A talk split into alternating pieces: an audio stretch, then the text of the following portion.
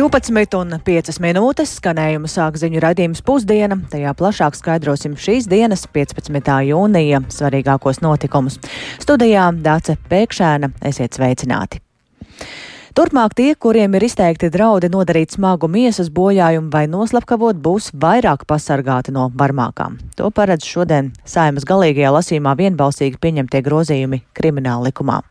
Jāatgādina, ka šādas izmaiņas likumos veicinājis traģiskais notikums pirms pāris mēnešiem Jēkabpils novadā, kad Leons Rusiņš pēc ilgstošiem draudiem un vajāšanas nogalināja savu bijušo sievu, un par to regulāri par šiem notikumiem tika ziņots policijai, bet sieviete pasargāta netika. Par jaunajiem likuma grozījumiem vairāk zina stāstīt kolēģe Agnija Lāsdiņa, kura sekoja līdz šīs dienas saimnes sēdēji, un ar viņu esam šajā brīdī sazinājušies. Sveika, Agnija, un uh, vispirms par to, kādi tad būs jaunie soda apmēri. Labdien! Jā, līdz šim par draudiem izdarīt slepkavību vai nodarīt smagus miesas bojājumus, tostarp par vajāšanu, smagākais sots ir īslaicīga brīvības atņemšana līdz trim mēnešiem, un tāpat soda ar probācijas uzraudzību, sabiedrisko darbu vai naudas sodu. Taču līdz ar krimināla likuma grozījumiem par šāda veida noziegumiem varēs sodīt ar brīvības atņemšanu līdz vienam gadam vai arī līdz trim gadiem, ja šādi noziegumi izdarīti pret laulāto vai bijušo laulāto pret personu, ar kuru kuru varmāk ir pirmajā vai otrajā radniecības pakāpē, vai ir bijis patstāvīgās intīmās attiecībās, vai ar kuru ir arī kopīga nedalīta saimniecība. Un tāpat uh, trīs gadu cietumsods draudēs arī tad, ja varmāka ļaunprātīgi nepildīs nolēmumu par aizsardzību pret vārdarbību. Un uh, jau iepriekš par likumprojektu virzību saimā atbildīgās juridiskās komisijas priekšsēdētājs Andrejs Judiņš no jaunās vienotības ir paudis, ka vārdarbību nedrīkst tolerēt un ir jādara viss, lai šādus gadījumus mazinātu, tos tostarp pasargāt tos, kas eh, baidās par savu drošību. Un paklausīsimies, ko tad Judins ir izteicies šodien jau pēc grozījumu pieņemšanas. Un es ceru, ka arī šie grozījumi palīdzēs efektīvāk rīkoties, bet ir jāsaprot, ka ļoti daudz ir atkarīgs no likuma piemērotājiem. Mēs labojam likumu, mēs grozam likumu, mēs nodrošinām iespēju efektīvi strādāt, bet eh, vai būs efekts no visa tā lielā mērā atkarīgs no izmeklētājiem un prokuroriem, kas strādā ar likumu. Par eh, šiem noziegumiem saglabāt arī iepriekšējie sodi, īslaicīga brīvības atņemšana, probācijas uzraudzība, sabiedriskais eh, darbs vai naudas sots. Noteikts, ka šajā gadījumā kriminālu procesu varēs uzsākt sabiedrības interesēs arī bez cietušās personas iesnieguma. Tā paredz saimas pieņemtie grozījumi krimināla procesa likumā. Tāpat arī cietušajiem lieciniekiem un citām personām, kas liecina vai liecinājušas krimināla procesā par draudiem izdarīt slepkavību, nodarīt smagu miesas bojājumu bojājumu vai vajāšanu, tiks nodrošināta speciālā procesuāla aizsardzība. Tā savukārt paredz pieņemtie grozījumi personu speciālās aizsardzības likumā.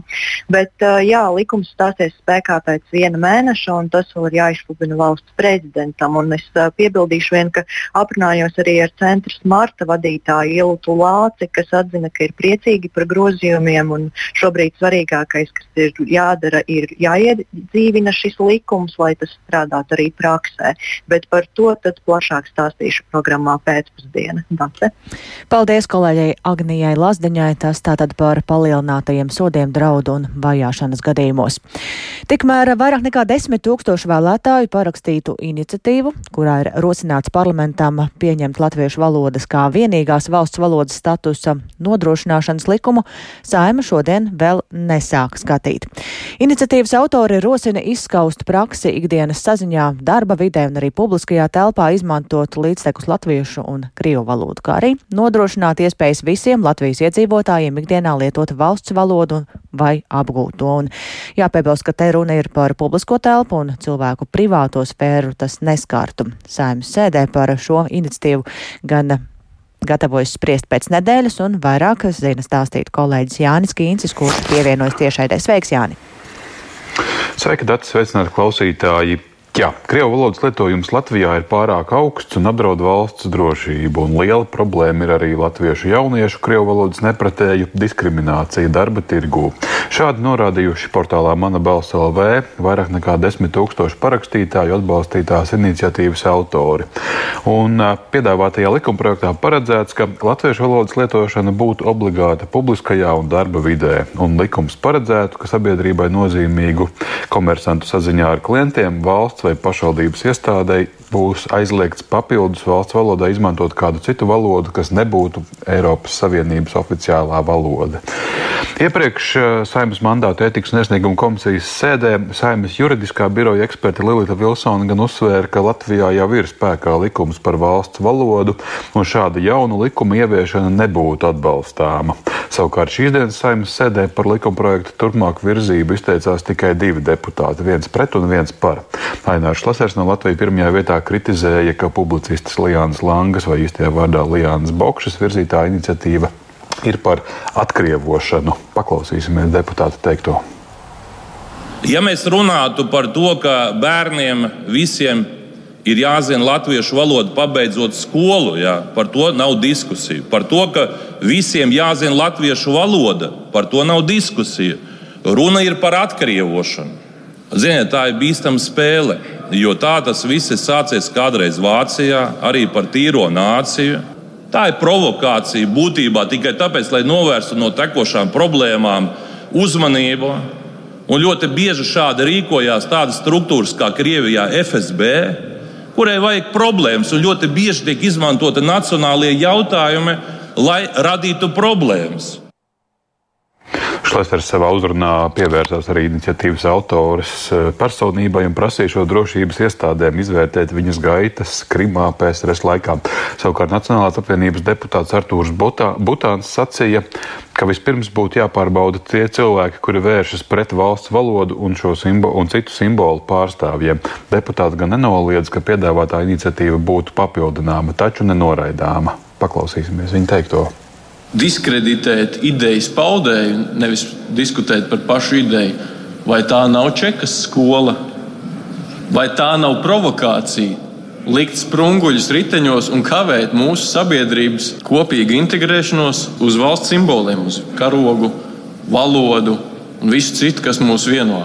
Varbūt izdarām vēl arī tos pēdējos, pēdējo revīziju valsts valodas statusam, kas, kas varbūt vēl, vēl šobrīd trūks likumos. Un, Un es domāju, ka šis nu, projekts noteikti ir pilnveidojams, bet tā virzība noteikti ir, ir pareiza un, un ļaus mums iest prom no, no tādas divkopienu sabiedrības un veidoties kā spēcīgai nācijai Eiropas valstu saimē.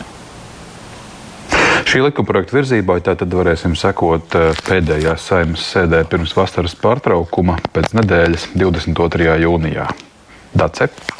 Paldies Jānim Kincim par šo skaidrojumu, un mēs turpinām ar to, ka septiņas mediju organizācijas nav mierā ar Latvijas elektronisko mediju regulātoru, un šorīt ir nosūtījušas kopīgu iesniegumu saimas priekšsēdētājam Edvardam Smiltēnam un cilvēktiesību un sabiedrisko lietu komisijas priekšsēdētājai Ievai Brantei, kurā ir paudušas neusticību Nacionālās elektronisko plašsaziņas līdzekļu padomas pašreizējiem sastāvam un pieprasījušas saimai atsaukt padomi.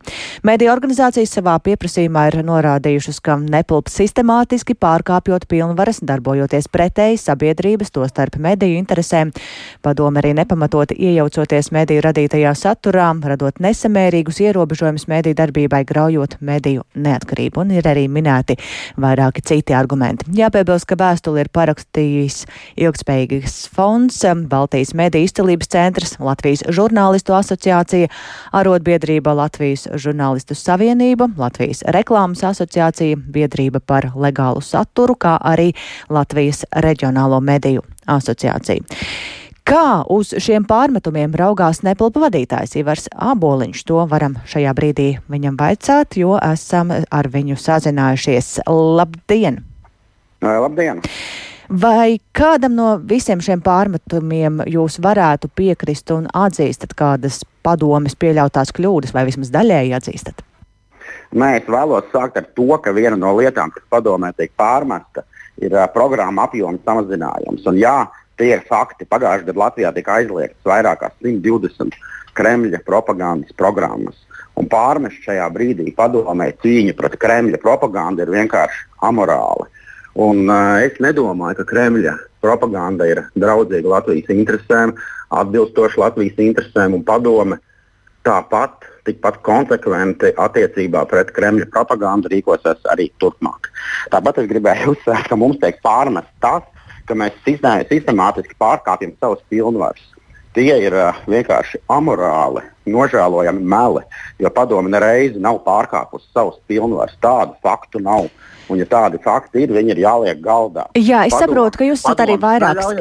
Padomas lēmums par sadarīgiem ar Eiropas Savienības normām ir atzinusi arī Eiropas komisija šos Krievijas propagandas kanālu ierobežošanu.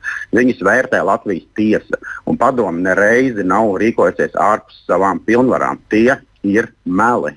Un padomu arī turpmāk vērsīsies pret Krievijas propagandu. Un, ja kādam tas nepatīk, un ja kāds tādēļ aicina politiķus politiski izreikināties ar neatkarīgu regulātoru, tad, manuprāt, tas ir nepieņemami. Jā, bet tad es saprotu, ka neviens no pārmetumiem, kas vēl tur ir minēts, jūs neesat nekam, ne, nekam neesat gatavs piekrist vai vismaz daļai piekrist. Jūs visus noraidāt. Mm. Nē, mēs noraidām šos pārmetumus, mm -hmm. un es vēlreiz uzsveru. Pārmest padomē Krievijas Kremļa propagandas ierobežošana ir amorāla. Jā, bet um, ar ko jūs skaidrojat, ka tieši tagad ir šāds pieprasījums no mediju puses? Nu, tas jums jāprasa, jāprasa Plaudas kundzei un, un, un pārējiem. Es arī aicinātu apskatīties, kas ir parakstījis šo vēstuli, cik organizācijas no tām iesaistās ikdienas elektronisko plašsaziņas līdzekļu darbā. Nu, organ... Jo es vēlreiz uzsveru, NPLP ir elektronisko plašsaziņas līdzekļu regulators, nevis, piemēram, preses. Jā, bet tajā pašā laikā. Nu... Šīs ir septiņas organizācijas, un faktiski izskatās, ka nozara tomēr ir nostājusies pret jums. Um, cik jūs esat tālāk droši par saimnes vairākumu atbalstu? NPLP ir neatkarīgs regulators, un uh, politiska izreikināšanās ar neatkarīgu regulātoru, kurš ir vērsties pret Kremļa propagandu, ir nepieņemama. Uh, jā, nu, runājot vēl par šīm organizācijām, tad tomēr šī nav pirmā reize, kad, piemēram, Latvijas žurnālistu asociācija izsaka um, neapmierinātību ar nepilnu darbu, bet, nu, tomēr, jā, pirmo reizi tik daudz organizāciju, tā skaitā arī žurnālistu savienība. Tad kā jūs to gribētu skaidrot? Uh, NPLP ir radio un televīzijas nozars regulators. Mēs ikdienā strādājam ar Latvijas raidorganizāciju asociāciju, kur apvieno elektroniskās plašsaziņas līdzekļus savukārt ar žurnālistiem. Uh, patiešo komunicēt mēs nevaram. Mēs to darām caur šo te, tātad, uh, organizāciju, kura apvieno visus mēdījus. Tas, ko mēs esam runājuši arī ar Latvijas raidorganizāciju asociāciju, un kas būtu nākotnē jādara, ka mēs vairāk skaidrojam tātad, gan likumus, gan to piemērošanas normas ar organizāciju asociācijai, kura jau tālāk šo informāciju novada žurnālistiem. Paldies par sarunu Nacionālās elektronisko plašsaziņu līdzekļu padomas vadītājam Ivaram Āboliņam un plašāk šo, šo situāciju turpināsim tad arī skaidrot raidījumā pēcpusdiena.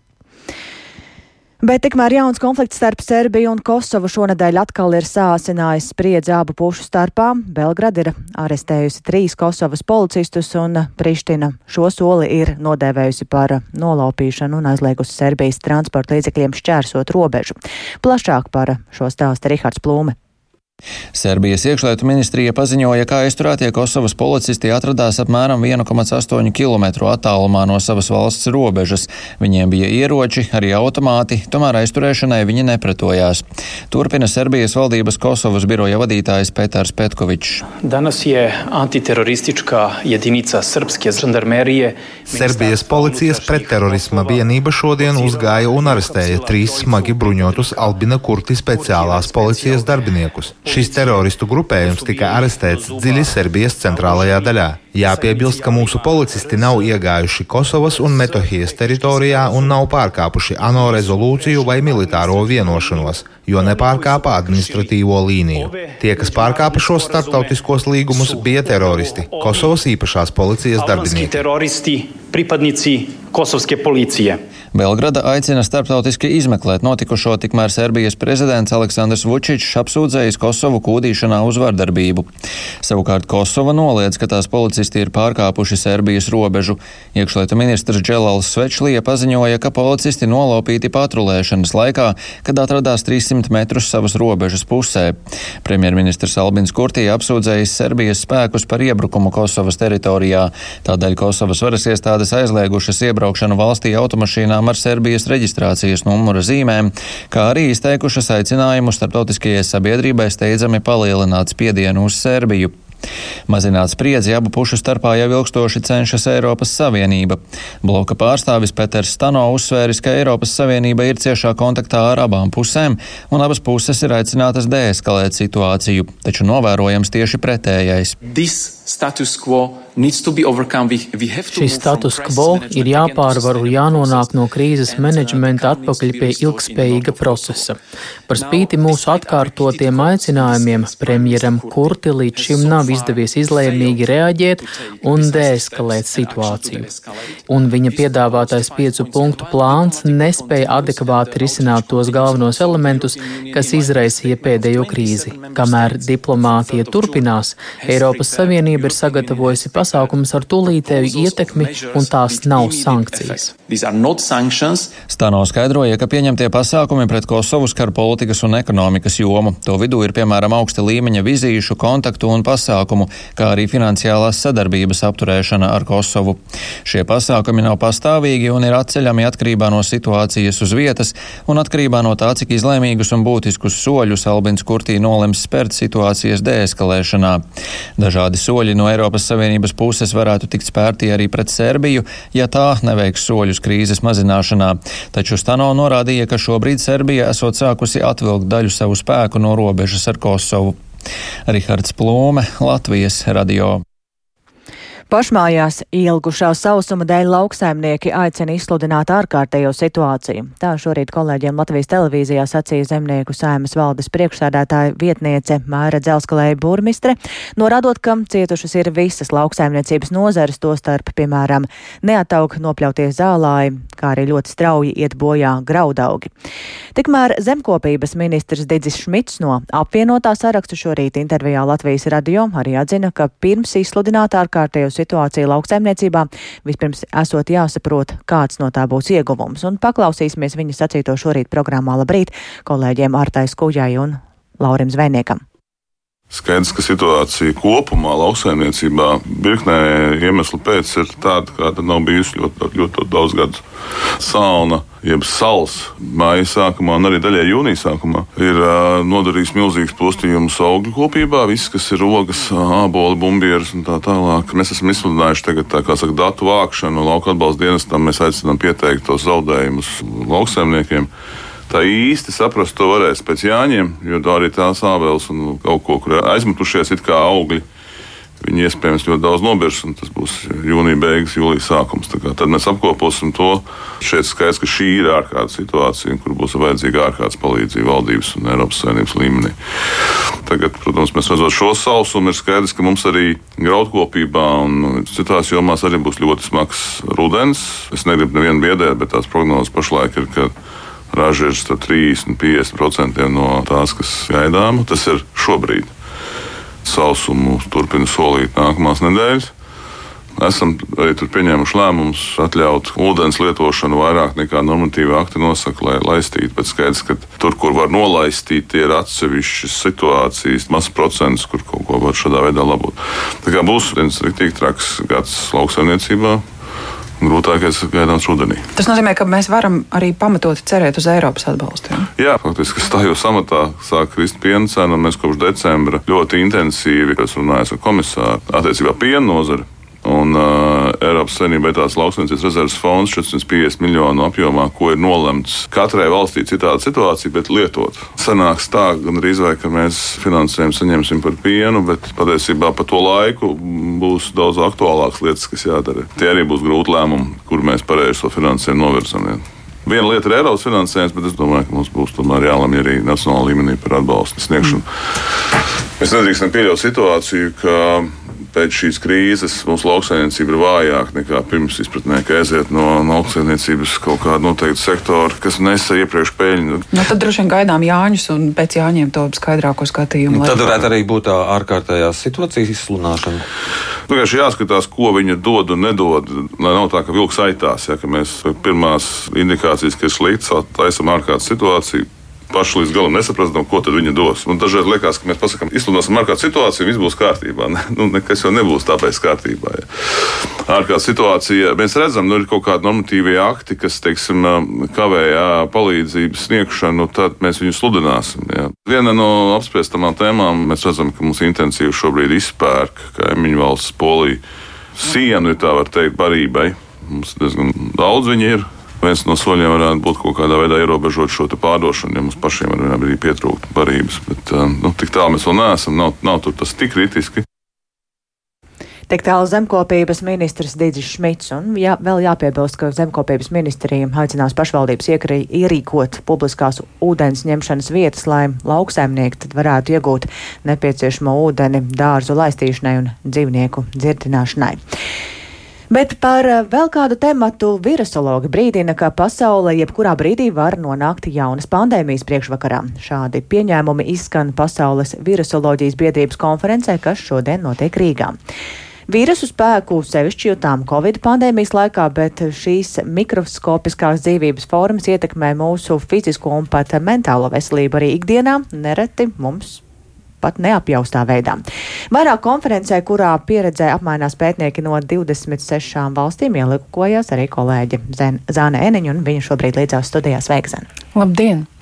Nu, mums tagad šķiet, ka Covid pandēmija ir atkāpusies, varam uzelpot, ne mums maskas jāvalkā, ne mums ne, rokas ir jāmazgā, protams, vēl ar vienu bet jau konferences ievadvārdos izskanēja šāds teikums: Mēs labi zinām, ka nekas nav beidzies.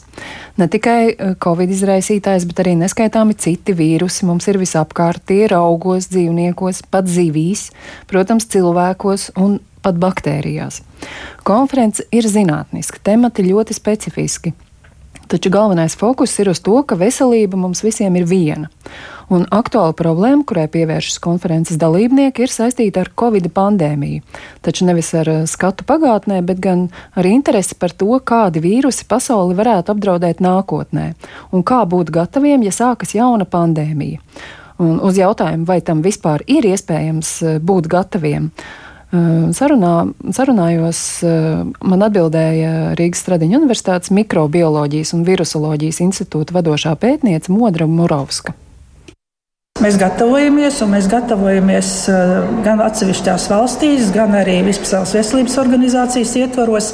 Mēs gatavojamies, bet katrā ziņā pieredze ar Covid pandēmiju jau ir.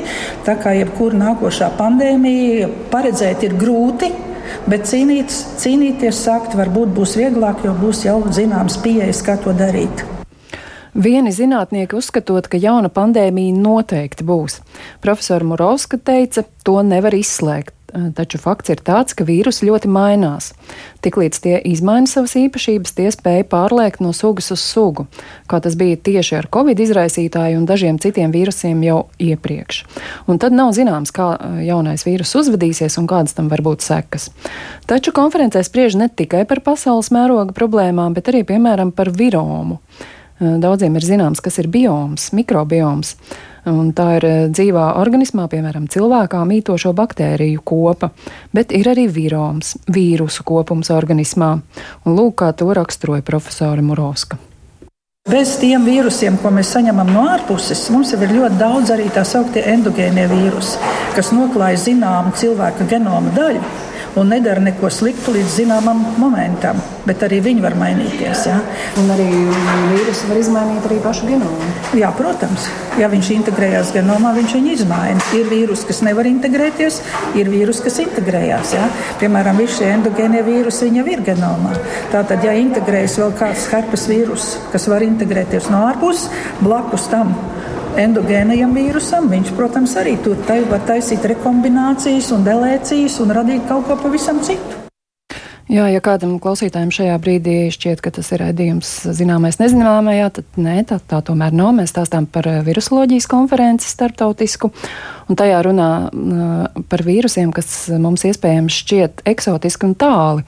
Piemēram, banānu vīrusu augiem Indijā, zikas vīrusu Dienvidamerikā, dengas drūģa izraisītājs Āfrikā.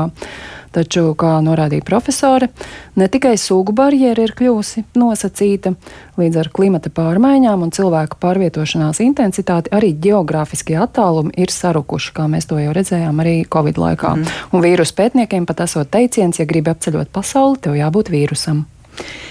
Tik tālu par vīrusiem. Paldies Zanai Eniņai, un ar to arī izskan raidījums pusdiena producente Ilze Agīnta ierakstus montēja Kaspars Groskops par labskaņu rūpējās Regīna Bieziņa un ar jums sarunājās Dāce Pēkšēna. Mūsu raidījums arī aizvien Latvijas radio mobilajā lietotnē. To var atrast meklējot dienas ziņas. Tāpat sekojiet mums līdzi arī sociālajos tīklos.